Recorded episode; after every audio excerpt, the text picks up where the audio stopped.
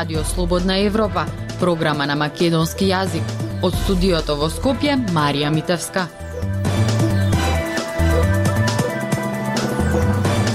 Почитувани во оваа емисија ке слушате на какви прички наидуваат украинските бегалци во Македонија.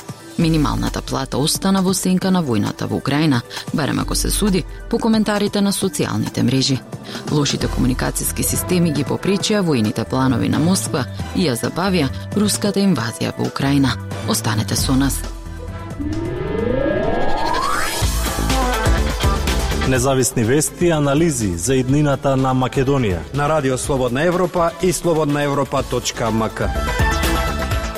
Расте бројот на украински граѓани кои спас од војната бараат во Македонија. Скоро еден месец од почетокот на руската воена инвазија во Украина, нашата земја се уште нема излезено со јасни насоки за тоа што треба да направат овие луѓе за да ги добијат некои од основните права, како образование, здравство или социјална заштита. Прилог на Јасмина Јакимова.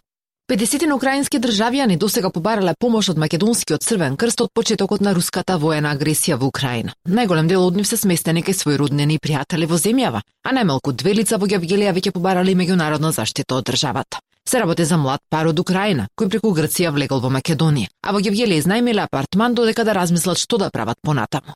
Гевгелија има искуство со бегалци, бидејќи беше во центарот на бегалската криза во 2015 година, кога неколку милиони лица од државите како Сирија, Афганистан или Пакистан поминаа по така наречената Балканска рута. Ова општина сега е домаќин на повеќе украинци, кои тука барем привремено побарале мир од секојдневните гранатирања и сирени за тревога. Како што појаснува градоначалникот Андон Сарамандов, во нивната општина допатувало уште едно шесчлено семејство. Гевгелија се нашла на нивната мапа, бидејќи имале македонски корени. Сарамандов раскажува дека трето украинско семејство два дена пристојувало во градот, но заминале за Словенија бидејќи разбрале дека таму веќе има систем за прифаќање на украинските бегалци. И ние како град из Македонија, како држава секојаш е била хумана. Така да мора да помогнеме, кој да е. Според информациите од Македонскиот Црвен крст, кај нив до петокот помош побарале 54 украински државјани. Како што појаснува Александра Ристевски од Црвениот крст, повеќето се жени со деца кои целиот живот го спакувале во куфер со најосновните работи. Пред да добијат помош од нив, мора да пријават престој во полиција. Во меѓувреме треба да решат и дали ќе побараат азил, односно статус на меѓународна заштита во Македонија. Црвен крст секако дека дава подршка во целиот овој процес а, и на државата и на државните власти кажува, дојавува, бројките се зголемуваат, дека треба да има и, и олеснување во целиот процес а, во делот на нивната регистрација, заштита која што треба да ја добијат и слично. Дел од украинските државјани кои во моментов се во Македонија веќе се обратиле за помош и до Сдруженијето млади правници, кој веќе 15 години работи со бегалци и баратели на азил во земјава. Зоран Дранговски од ова здружение појаснува дека во моментов најголем дел се влезани законски има дозвола за тримесечен престој. Она што го забележува во моментов е дека во Македонија се уште нема дадено јасни насоки што треба да направат овие луѓе. Значи по првичниот шок на бегство од една држава во друга, после периодот на стабилизација луѓето веќе треба да да почнат нормално да функционираат, затоа што никој не знае колку време ќе трае оваа војна. Од досегашната пракса, добивањето азил, односно меѓународната заштита во Македонија не е лесна работа. Така во изминатите 10 години биле поднесени над 6000 барања за азил во земјава. Од нив статус на признаем бегалец добиле само 15 лица, а азил заради субсидиарна заштита 14 лица. Пред две недели Европската комисија донесе директива за привремена заштита на украинските бегалци, а бегалците добиваат право на престој и работа во Унијата во следните три години. Руската воена операција во Украина почна на 24 февруари и од тогаш 3,5 милиони луѓе побегнаа во соседните држави. Само Полска досега има примено повеќе од 2 милиона украински бегалци. Слободна Европа. Следете на на Facebook, Twitter и YouTube. Војната во Украина останува главна тема кога се работи за коментарите на читателите по социјалните мрежи, а во нив предничат негативните коментари за Соединетите Американски држави и Европската Унија на сметка на величењето на рускиот председател Владимир Путин. Домашните теми како барањето за повисоки плати или економска состојба како да паднаа во втор план. Преглед на коментарите направи Горица Попова. Може би не е доволна помошта од по 1000 денари за месеците март, април и мај за примателите на гарантирана минимална помош, но намерата на владата е во период на ковид криза, во период на економска криза да покрие што поголем број граѓани, Дели покри другото министерката за труд и социјална политика Јованка Тренчовска во неделното интервју за Радио Слободна Европа. Само минатата година, на пример, имало дополнителни 1000 семејства што примаат минимална помош. Ја цитираме само објавата на Зоран Трајановски, кој смета дека преживуваме во светот каде што богатите се се повеќе богати, а сиромашните се повеќе сиромашни. Глобализацијата беше брутализација во суштина. По нашата информација за протестот на независните синдикати на полицијата и на просветните работници пред владата, кои побараа усогласување на платите со минималната плата, зачудува, но нема ни еден коментар – Зачудува затоа што обично социјалните теми се предизвик за посетителите на нашата Facebook страница. Има малку повеќе коментари во врска со меѓупартиските обвинувања на опозицијата и власта за тоа кој повеќе троши. Ицко Мрша напишал, само нови избори, ништо друго, не ја бива оваа власт. Но Ана Јакимова со забелешка, освен предвремени избори, некоја друга идеја има? Оние што се јавиле на Facebook страницата на Радио Слободна Европа очигледно се повеќе загрижени за украинско-руската војна, но загриженоста ја комбинираат со непримерен јазик и навреди за САД и ЕУ, величајки го рускиот председател Путин, а напаѓајки го американскиот председател Бајден. Нашата денешна најнова информација дека председателот Бајден ќе ја посети Европа, но дека посета на Украина не е планирана со коментари кој од кои со поголеми лични навреди на председателот на САД, исто како и по изјавата на украинскиот председател Зеленски дека е подготвен да разговара со Путин. Елисавета Гончаренко напишала, чекаше да се разруши Украина и да има жртви, па ти паметниот да разговараш, треба да размисли Путин дали ќе разговара со тебе.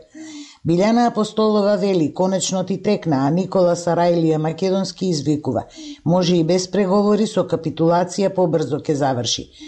И објавите на Фейсбук продолжуваат се во овој стил по сите информации за случувањата во Украина. Актуелности свет на Радио Слободна Европа сериозни прички во комуникацијата и споделувањето податоци меѓу руската војска се чини дека ги попречија неизините инвазиски планови во Украина. Многу западни воени експерти сугерираат дека Кремљ и неговите планери ги сгрешиле клучните аспекти од првите недели на инвазијата. Прилог на Гоце Атанасов. Ние немаме комуникација, немаме воки-токи, ништо, кажува еден руски војник во видео објавено од украинските бранители овој месец. Само три недели од војната таквите изјави, заедно со пресретнати разговори, заробена опрема и слики од ефтини рачни примопредаватели, укажуваат на тоа дека неможноста да се комуницира во синџирот на командата и низ родовите на руската војска ги попречуваат воените планови на Москва и додека војните текови можат брзо да се вртат, дури и во големите офанзиви, како она што е започна рускиот председател Владимир Путин на 24 февруари, за да ја демилитаризира и да ја почини Украина, многу западни воени експерти сугерираат дека Кремљ и неговите планери ги изгрешиле клучните аспекти од првите недели на инвазијата. Доказите сугерираат дека некои од корените на руските комуникацијски пропусти лежат во погрешно менаџирани процеси за развој и набавки на работи како што се тактички воени радија, недоволно обучени и недоволно распоредени специјалисти и предизвиците за действување на туѓа странска територија, каде што непријателот ги контролира не само мобилните мрежи, туку и жичените комуникации кои често служат како сигурен резервен канал. Еден од резултатите е различната сложеност меѓу системите што ги користат трупите за комуникации, зголемувајќи ги предизвиците, особено затоа што тие вклучуваат мешани воздушни, копнени и поморски сили. Во такви случаи сите војници се принудени да користат систем што е заеднички за најмалку напредните меѓу нив. Ако формирате мешана формација и дел од формацијата се состои од постари возила, како што се на 90-та гардиска тенковска дивизија во Киев, што ги видовме неодамна, вие мора да се прибрегнете кон најмал заеднички именител, вели Станимир Добрев, независен воек експерт кој е специализиран за телекомуникации – Тој додава дека тие и други фактори потенцијално укажуваат на тоа зошто руската копнена офанзива заглавил, а воздушните операции стануваат се помалку ефективни со текот на времето, бидејќи целите идентификувани и рано доставени до руските воздухопловни сили во меѓувреме се поместиле.